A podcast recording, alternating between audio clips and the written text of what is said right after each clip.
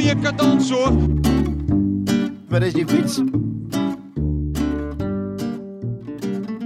Dit is de Muur Podcast, gevuld met liefde voor wielrennen, historische verhalen en eindeloze beschouwingen. Ik ben Benjamin de Bruin en in deze aflevering luister je naar het verhaal over de dag die het leven van renner Aard Vierhouten verandert. 13 juli 2002. Aard Vierhouten moet lossen uit het peloton. Ziek, misselijk. En dan krijg je dit. Het is knoerhard de wet van de Ronde van Frankrijk. Maar op zieke renners wordt niet gewacht. Vierhouten wordt die dag zo ziek dat er bijna een definitief abandon achter zijn naam komt. Aard ehm, voelt dat het klaar is. Dat, dat hij gaat sterven. En dan ziet hij ook uh, een, een fel licht, zoals hij het beschrijft. Voor zijn gevoel is dat het einde. Met de ploegarts, die in vier angstige ziekenhuisdagen niet van zijn zijde wijkt, praat Vierhouten 16 jaar lang niet over wat er is gebeurd. Tot nu. Schrijver Wiep Itzinga mag bij de ontmoeting zijn tussen renner Vierhouten en ploegarts Daniel de Neve. In deze podcast vertellen Wiep en Vierhouten over de meet die bijna de laatste werd. De meet van een koers die voor Vierhouten al op de nacht ervoor begint. De nacht van 12 op 13 juli 2002. Wat gebeurt er op die hotelkamer? Ja, simpel eigenlijk. Aard wordt ziek. Hij wordt heel erg ziek. Um, hij moet overgeven. Hij is aan de diarree. En uh, dat gaat eigenlijk de hele nacht door. En hij slaapt op de kamer met Robbie McEwen, zijn, zijn, de man die hij naar de, de sprint moet brengen. Zijn maatje ook. En um, ja, hij denkt op een gegeven moment ook midden in de nacht ik moet naar een andere kamer, want die jongen doet geen oog dicht. En hij moet morgen misschien wel sprinten voor de, voor de zegen. En uh, ja, de neven, Daniel de Neven, de ploegarts, die zegt, ja, maar jij kan zo niet uh, fietsen. Dit gaat gewoon niet. Je kan niet eens rechtop staan. Dus jij moet niet starten vandaag. En uh, Aard roept steeds van, ja, ik uh, ga wel starten. En in zijn achterhoofd zit, dit zal een zware dag worden, maar ehm, dan hebben we daarna nog weer tijd om te herstellen. Morgen hebben we een uh, redelijk rustige etappe. Dan komt er een uh, tijdrit. Uh, nou, dan hoef je als niet-klassementsman natuurlijk niet vol te gaan. En dan komt er een rustdag. En dan komt alles wel weer goed. Dat is zijn idee. En, en die discussie die duurt even. Ehm, drie keer gaat het heen en weer van wel starten, niet starten. En uiteindelijk zegt Aard Vierhouten, nou moet je je bek houden, ik ga wel starten. En dan denkt de ploegarts, oké, dan, dan moet dat maar. De toeretappe van vandaag. De Tourcaravan is in Normandië in Noordwest-Frankrijk. De rit gaat van Bagnols de Lorne naar Avranches over een afstand van 176 kilometer. Onderweg twee klimmetjes van de vierde categorie. De laatste klim ligt op 22 kilometer van de aankomstplaats Avranches. Leon van Bon had het al een paar keer aangekondigd. Vandaag is het zover. Hij kiest op het juiste moment voor de aanval. De Fransmannen Renier en Morin zijn met hem mee. De drie vormen al na 20 kilometer een kopgroepje en beginnen aan een lange vlucht. Dan zakt het tempo. En daar is Aard Vierhout heel blij mee. Maar eigenlijk is elke kilometer uh, gaat hem al te hard. Vanaf de eerste, uh, vanaf de eerste uh, kilometers zit hij er al doorheen. Kan hij bijna het tempo niet volgen. Maar als het dan, tempo dan zakt, dan, uh, dan gaat het nog wel even. Uh, de ploegarts ondertussen rijdt alvast naar de aankomstplaats en, en, die wordt zenuwachtig. Ja, gek genoeg was er, was er geen plaats in een van de, van de ploegleiderswagens die dag voor hem. Dus hij rijdt inderdaad alvast naar de finishplaats. Heeft ondertussen heeft hij de, de, de, de, de radio aan uh, en als hij later in, in het hotel komt, kijkt hij naar de televisie. En wat hij hoopt is dat hij de naam van Aard Vierhouten hoort, dat hij opgegeven heeft. Want hij is in de veronderstelling. Daarom heeft hij ook zijn, zijn uiteindelijk toegegeven. Ja, die jongen komt er zelf binnen 10 of 20 kilometer wel achter dat het zo niet kan. Dus hij knijpt in zijn remmen, uh, levert zijn rugnummer in en dan ben ik gerustgesteld. Maar um, ja, hij hoort niks. En, en, en uh, als hij even contact heeft met de ploegleiderswagen, dan hoort hij ook dat Vierhouten nog gewoon in koers is. Aard Vierhouten moet lossen uit het peloton. Dus de tempoversnelling van zojuist is te veel geworden voor onze landgenoot. En die mag nu 26 kilometer solo rijden naar de finish. Ziek, misselijk. En dan krijg je dit. Het is knoerhard de wet van de Ronde van Frankrijk. Maar op zieke renners wordt niet gewacht. Nou zeggen ze over, over meer renners dat ze, een, dat ze een kop van steen hebben en, veel doorzettingsvermogen, vallen, opstaan, et cetera. Alle clichés uit de kast. Ehm, maar bij Aard Vierhouten kun je dan misschien over een soort buitencategorie hoofd van steen... eh, daar kun je over spreken. Wa- wa- waar zou dat vandaan kunnen komen, die, eh, die hardheid? Nou, dat, het heeft, het heeft in- inderdaad te maken met dat het, een, dat het een, een, een, een keiharde renner is, eigenwijs. Maar het heeft ook te maken met zijn voorgeschiedenis. Hij komt bij de Rabobank ploeg vandaan. En daar heeft hij een keer de Tour gereden in 1998. En ehm, de jaren daarna heeft hij steeds bij de voorselectie gezeten van 13 renners. Maar is hij steeds afgevallen. En het verhaal was bij de Rabobank ploeg, als je begint aan de Tour, moet je hem ook uitrijden. We willen met zoveel mogelijk renners in Parijs aankomen. Ehm, en ehm, ja, de verwachting was dat dat bij Vierhouten niet ging gebeuren. En bij die Belgische ploeg waar hij nu zit, bij Lotto, is zijn taak voor, voornamelijk om de laatste man te zijn, eh, de lead het laatste lead-out te zijn voor Robbie McEwen. En als die natuurlijk een paar etappes wint in, in het eerste gedeelte van de Tour, interesseert die gasten natuurlijk helemaal niks. Of hij wel of niet in Parijs aankomt. Dus hij mag weer een keer meedoen aan de Tour. Nou, en dan zul je net zien dat je in die eerste week dat je weer een keer mee mag doen, ziek wordt. Dus hij negeert natuurlijk volledig zijn eigen fysieke eh, gesteldheid. En eh, eh, ja, die eigenwijsheid heeft ook nog een voorgeschiedenis dus. De finish is 11 minuten en 30 seconden geleden geweest. Waar zit Aard Vierhouten? Ja, Jacques, jij had het zojuist over de mannen van de US Postals. We zagen ze net voorbij rijden. Zij rijden weer terug. Nou, kan je nagaan. En wij hebben hier nog drie kilometer te gaan. Aard Vierhouten, ja, die heeft het zwaar hoor. Want eh, het, het gaat allemaal niet meer. De, de Lotto-ploegleiderswagen, die rijdt continu naast hem. En eh, ja, die probeert hem wat moed in te praten. Maar eh, ja, het gaat allemaal tergend langzaam. En tot overmaat van ramp ziet hij niet alleen renners terugkomen rijden... maar ook allemaal publiek wat weer op zoek gaat naar de auto. Hij wordt amper meer aangemoedigd of wat. Dus hij heeft het zwaar. Maar ja, goed, hij mag wat tijd verliezen. Eh, het is even kijken of hij de tijdslimiet gaat halen. Maar vooralsnog ziet het er naar uit dat dat wel gaat lukken.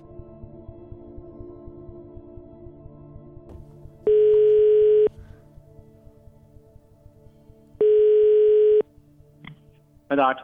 Hoi, met eh, Benjamin de Bruin spreek je van de podcast. Hoi, Hoi. middag. We hadden alle ritten gewonnen en het ging goed. En je weet dat je de laatste man bent voor Robbie, voor zijn sprints. En eh, je voelt je dan ook onmisbaar en je wil zelf ook heel graag door. Dus er was, eh, er was op dat moment nul reden om vooral niet te starten. Hè? Buiten het feit omdat je voelt dat je niet goed bent en dat je dat je, ziek voelt. En maakte je dat ziek zijn eigenlijk nog steeds kleiner en kleiner voor jezelf. Om maar sprankje hoop te houden dat je aan die start kan gaan staan. En eh, op het moment dat je dan dat die dokter zegt, ja, ik vind het niet verstandig. Dat de ploegleider, ploegleider die zegt Brakenveld, was eh, ploegleider van Lotto. Die zegt, alleen matje, wat denkt u ervan? En ik zeg, nou, moet het maar proberen, chef. Nou wel, dokter, heeft het gehoord. Aard gaat het proberen. Nou ja, daarmee was het klaar. Weet je nog wat je, wat je gedachten waren op, op, op dat moment? Wat je voelde? Ja, je bent, je, je bent helemaal leeg. En het enige wat je kan bedenken, die finish, die finish, die finish. Trappen, dat is het enige wat nog in mijn hoofd zat. Trappen, trappen, trappen. En eh, zorgen dat je over die finish heen komt. Weet je bijvoorbeeld nog dat je daarna ook geïnterviewd bent? Na, na de finish? Mm, Nee, daar heb ik geen idee van.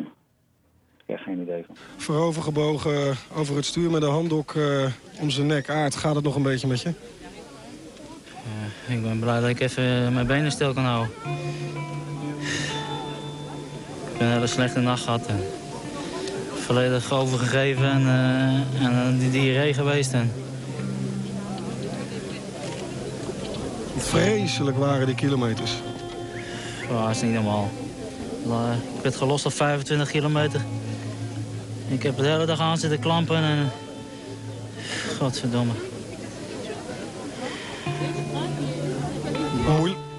De laatste twee kilometer waren allemaal een verschrikking. Nou ja. Spijt dat je vanochtend vertrokken bent? Of? Nee, zeker niet. Ik hoop dat ik morgen weer beter ben, want je zit gedurende in de Tour de France. Dus. Je zat ook alleen, hè? Geen groepje bij of zo? Nee, ja, ik was gewoon volledig leeg voordat ik begon aan, het- aan de etappe. En, eh, ik ben, ben nu nog leger, ik weet het ook allemaal niet meer. Ja, we gaan wel zien.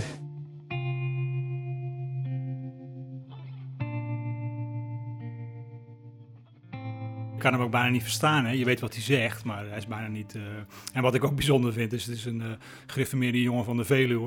maar hij roept wel heel hard godverdomme. Dus alle, alle blokkades zijn weg. Ja. Ja. En ook het ongemak van uh, Sebastian Timmerman, de verslaggever van de NOS. Wij zien die beelden niet, uh, maar op tv zie je wel uh, hoe Aard Vierhouten over de, over de streep komt. Je ziet iemand die totaal leeg uit zijn ogen kijkt. En je ziet eigenlijk het ongemak van de verslaggever die naar een renner kijkt die, nou, die, die gewoon echt niet goed is. Nee, en die toch zijn werk wil doen. Nee, die, is, die is toch, zeg maar, terwijl Aard Vierhouten over zijn stuur hangt met zijn hoofd naar beneden, daar toch nog een microfoon onder propt als het ware. En eigenlijk met een soort schaamte de vragen stelt die hij moet stellen. Maar dat je eigenlijk denkt, uh, ik moet die jongen met rust laten, want uh, die, die, wil helemaal niet praten. Maar ja, dat is, dus het is een hele ongemakkelijke scène voor iedereen. Maar uh, ja, je ziet echt wel dat hij, dat hij helemaal aan het einde van zijn Latijn is. Ik weet niet eens meer hoe ik van mijn fiets naar de finish bij het hotel ben gekomen. Ik geloof dat de dokter op me gewacht heeft. Uh, en die zei van, nou, onmogelijk, onmo dit is onmogelijk, dit, dit, dit, kan niet. Maar je hebt het wel gedaan, dus ik, hij zei, ik snap helemaal niks van. Uh, nou, die vroeg ik me voelde. Hij zegt, ja, een beetje stomme vraag, maar ik zei, nou gewoon heel slecht. En toen zei hij al van, nou, we gaan in hotel gaan we je helpen met wat extra zout en mineralen en wat suikers toevoegen. Hij vroeg hoeveel ik gedronken had. Ik zei, nou, ik denk uh, hooguit uh, twee of drie bidons, meer niet. Ik kon ik gewoon niet binnenhouden. En uh, toen zei hij van, nou, dat is niet goed. Dus nou, we gaan ons best doen. En, en weet je nog iets van de tijd dat je weer terug was in het hotel? Nou, kijk, ik lag op bed en ik had een eerste infuus gehad met, met mineralen, zouten en, en vochtoplossing.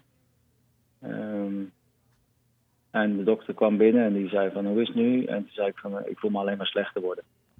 En toen zei hij van, uh, trek uw kleren aan, we gaan naar het ziekenhuis. Ik, ik merkte wel dat hij heel nerveus was. En uh, ook heel snel ter plaatse was met een autosleutel en een verzorger. En die zei van, uh, we gaan. En uh, ik, ik, kon ook niet echt lekker lopen, dus hij ondersteunde mij naar de auto toe. En we zijn toen toch redelijk vlot naar het ziekenhuis gereden. En daar heb ik eigenlijk helemaal niks van meegekregen. Ze komen in dat ziekenhuis en daar, is ook, daar zien ze meteen van, uh, we moeten nu iets doen. Ja, wat ze daar dus uh, meteen vragen, eh, of niet geloven, is dat, dat dat een man is die vandaag een toeretappe heeft gereden. Dat, dat, dat, dat, uh, het, het, ongeloof, ja, er komt er eigenlijk gewoon een, menselijk wrak komt er binnen. En um, ja, ze, ze, ze geven hem natuurlijk meteen, hè, hij, komt aan een, in een, een infuus. En dan krijgt hij allemaal de dingen die hij kwijtraakt hè, uh, tijdens inspanning, uh, krijgt hij toegediend. Uh, ze hebben nog geen diagnose, dus verder kunnen ze niks doen, zeg maar. Maar uh, ja, dat, zo'n zo'n zo'n zo'n zak met, ik weet niet wat erin zit, natrium en kalium, denk ik. Uh, dat zou eigenlijk meteen al ehm, verbetering moeten geven. Maar ook dat gebeurt niet. Dus ook daar wordt hij weer steeds slechter. Ehm, totdat ze in de nacht ehm, ook het gevoel krijgen in het kleine ziekenhuis uh, dit gaan we niet redden. Dan hebben ze inmiddels een, een, een, een diagnose. Hè, dus ze hebben uh, uh, hem onderzocht en zijn bloed onderzocht. en dan hebben ze een diagnose wat er aan de hand is. En wat, wat is de diagnose? Diagnose is dat um, hij is zo verzwakt, zijn weerstand is zo laag geweest al voordat hij startte nog veel slechter geworden tijdens, uh, tijdens de etappe. Dat hij heeft een, een, een, een, virus of een bacterie, dat weten ze nog niet precies zeker. En ze vermoeden dat hij door de darmwand is uh, gegaan, in zijn bloedbaan terecht is gekomen. En um, uh, dat vervolgens dat virus zijn hart en zijn nier heeft aangevallen. En dat is heel gevaarlijk.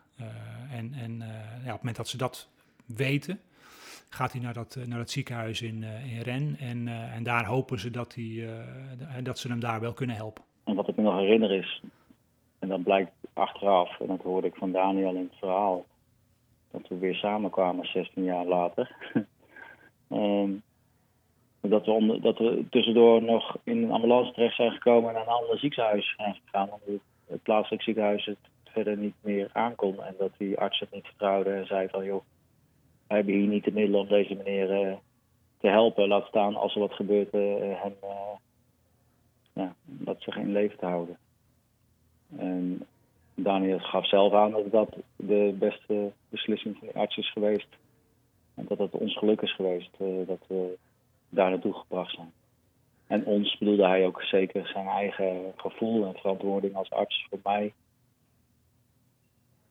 Met de hele situatie. Want anders was het misschien wel niet goed afgelopen.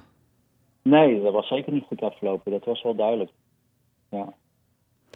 En in, in het verhaal van uh, in het verhaal uh, lees ik ook dat je, dat je hallucinaties hebt en op een gegeven moment een, een, ja, een soort bijna doodervaring. Dat je, dat je je kinderen ziet en dat je een hert ziet in een, in een soort uh, lichte omgeving. Ja, ja dat, is, dat is een ongelooflijk iets eigenlijk. Weet ik dat ik ja, eigenlijk niet meer bij was.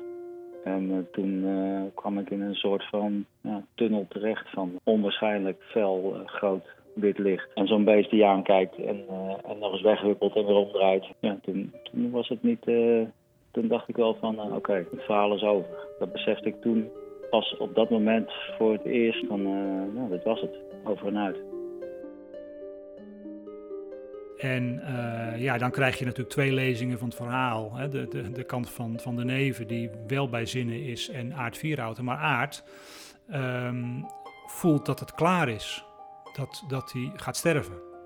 En um, dat is natuurlijk, natuurlijk een enorme paniek. Hij heeft twee jonge kinderen. Hè? En hij, hij ziet ze ook voor zich. En, en ja, hij neemt als het ware neemt hij in zijn hoofd afscheid. Dan komt er een soort rust over hem. Ik kan toch niet, niks meer doen. Het is klaar. En, dat is, dat is, dat is, en, en vanaf die tijd mist hij gewoon ook een heel stuk. Want nou ja, Art Vierauto leeft gelukkig nog. Uh, dus het is niet het einde geweest.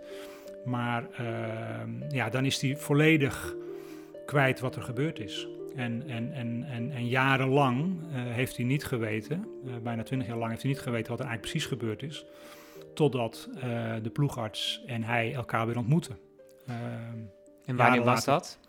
Dat was uh, in, in 2018.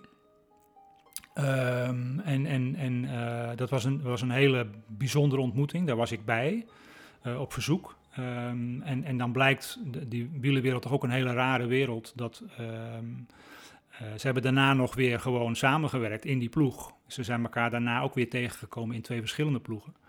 Maar er is nooit over gesproken. Er is nooit Vierhout heeft nooit de vragen gesteld die hij nu durfde te stellen. En, en, en de neven heeft nooit verteld wat hij gezien heeft, zonder dat Aard erom gevraagd heeft. Dus dat was een hele uh, emotionele, uh, bijzondere ontmoeting, uh, waarin Vierhout eigenlijk ingevuld kreeg wat hij, wat hij miste.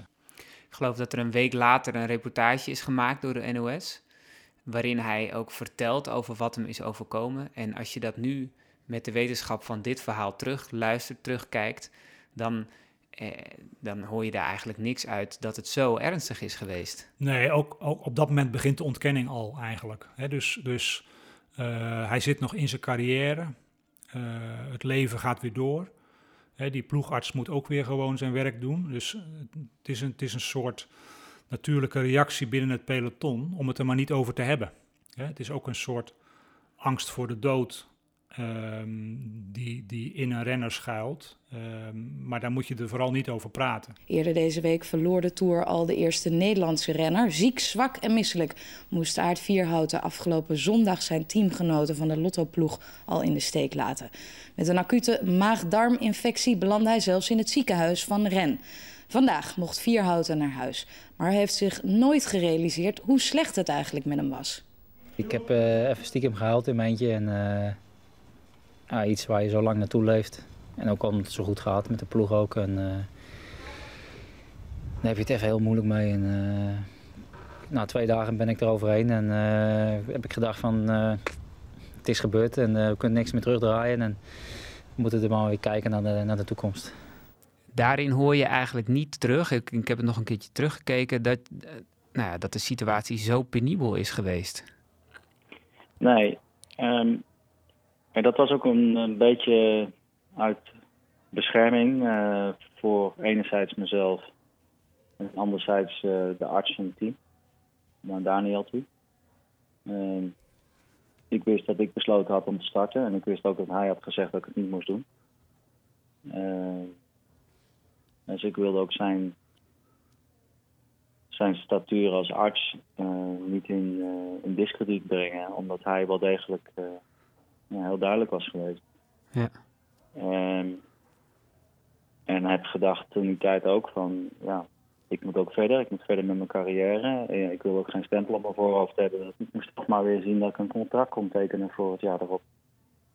Ja, het is, heeft denk ik te maken met... Uh, nou ja, enerzijds een beetje een, een, een, soort van schaamte misschien wel. Of een voorzichtige manier. Maar anderzijds... Um, het leven van die topsporter die dendert door. Hè.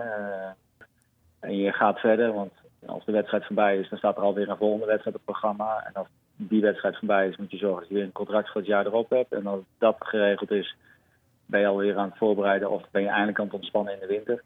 En dat is een trein. Ehm, die is bij mij 14 jaar doorgedenderd. En nou dat zo'n trein tot stilstand komt, heb je jaren dat je wat meer gaat terugdenken en dat je je gaat je veel langzaam, eh, langzaam ga je tot veel meer realiteit krijgen over wat is daar nou precies gebeurd. En daar, dus daar zat al toch wel een soort van vraagteken van, nou, dat moet ik ooit nog maar eens vragen. Ook niet nagedacht dat Daniel uh, 20 jaar ouder was, dat denk ik dat ik dat natuurlijk niet in de eeuwigheid vooruit kan blijven schuiven. Uh, om eens te vragen hoe, hoe hij dat nou beleefd heeft. En, en, hij kon toen natuurlijk ook heel veel dingen vertellen die jij niet meer wist of helemaal niet hebt meegekregen. Hoe, hoe was dat voor je, dat, dat hij al die dingen vertelde? Ja, het is verbazingwekkend om te horen.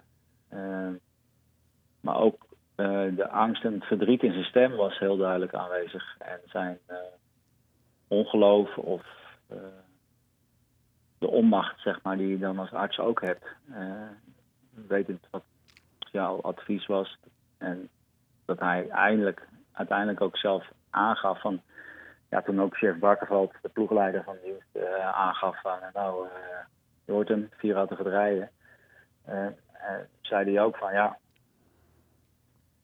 Ik had natuurlijk best wel wat renners gepasseerd in mijn carrière, zei hij als arts. Hij zei maar, Smil van Peter gaan vier auto's staan in mijn top drie van renners die... ja, als ze iets in hun kop hebben, dan gebeurt het ook. Hij zegt, en, uh, dat was enerzijds ook je kracht als renner. Uh, maar in dit geval is ook heel erg de beperking geweest. En hij zei, ja, als ik iets in mijn carrière zou over moeten doen, dan had je nooit van, van zijn leven meer gestart. Dus daar heb ik me ook heel lang schuldig over gevoeld. En zei, daarom is het best te mooi dat we hier zitten, zei hij. En je merkte gewoon dat hij, stond op huilen, zeg maar. Er zit dan een, een man van, uh, volgens mij is Daniel 67 inmiddels. denk je van, fuck. Je bent als topsporter alleen met jezelf bezig. Voor jezelf aan denken. En in je eigen belang aan denken. En, en nog een keer aan jezelf. En, nog een keer aan jezelf. En dan aan ander. En ik had totaal niet aan hem gedacht op, op dat vlak. Uh, ik had, hij is arts. hij wordt betaald door het team. Hij moet zorgen voor ons voor onze gezondheid. En dat is een taak. En ik heb nooit verder gedacht in uh, ja, de verantwoording die op zijn schouders rust in dat opzicht. Het zit nu weer wat uh, kippenvel op mijn armen, zeg maar. Die, die uitspraak van, van fietsen tot je erbij neervalt, zal die zelf ook nooit meer uh, bezig. Hè? Omdat dat bij hem natuurlijk gewoon uh, letterlijk bijna gebeurd is. En uh, ja, het, het, het, het, het stomme is hè, dat die, die, die arts die zei ook van, nou, een, een, als jij niet een gezonde atleet was geweest, had je dit nooit overleefd.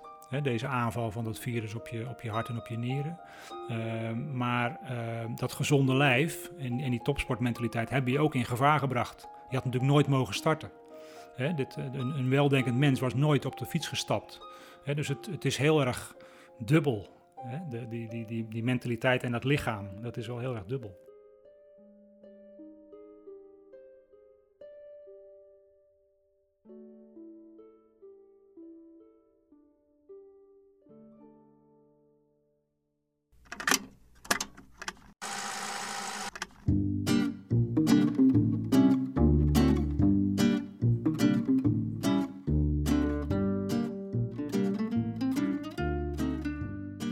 Dit was de Muur Podcast. We gaan meer verhalen maken en beginnen met een heus muurcafé. Daar moet je nog even op wachten, maar tot die tijd kun je al wel muur 69 bestellen op uitgeverij demuur.nl.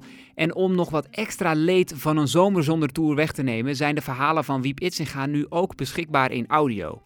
Ingesproken door Herman van der Zand. Op zondag 1 september 1985, even voor vieren, stak Zoetemelk nog twee keer zijn armen gestrekt in de lucht. In die pose en met de kaken op elkaar geklemd, de tanden ontbloot en glimmend van geluk, gleed hij over de finish in Javera del Montello. Overmand door emoties moest tv-commentator Smeets even gaan zitten. Iedereen moest even gaan zitten. Joop Zoetemelk was wereldkampioen. Verder luisteren, dat kan. De verhalen zijn online te bestellen, bijvoorbeeld via bol.com.